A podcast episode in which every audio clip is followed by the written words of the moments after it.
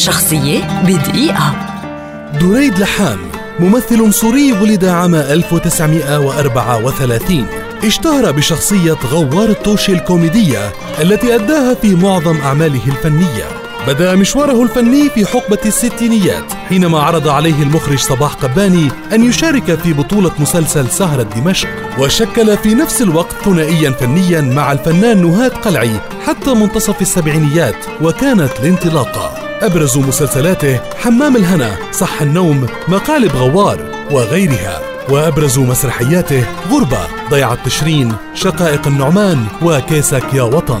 أما أعماله السينمائية فمنها الحدود التقرير سمك بلا حسك وغيرها الكثير. قدم دريد لحام أيضا عددا من الأغنيات والسكتشات والمونولوجات بصوته أشهرها فطم فطوم بكتب اسمك يا بلادي يامو وغيرها.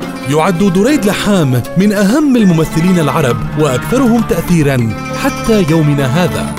شخصية بدقيقة.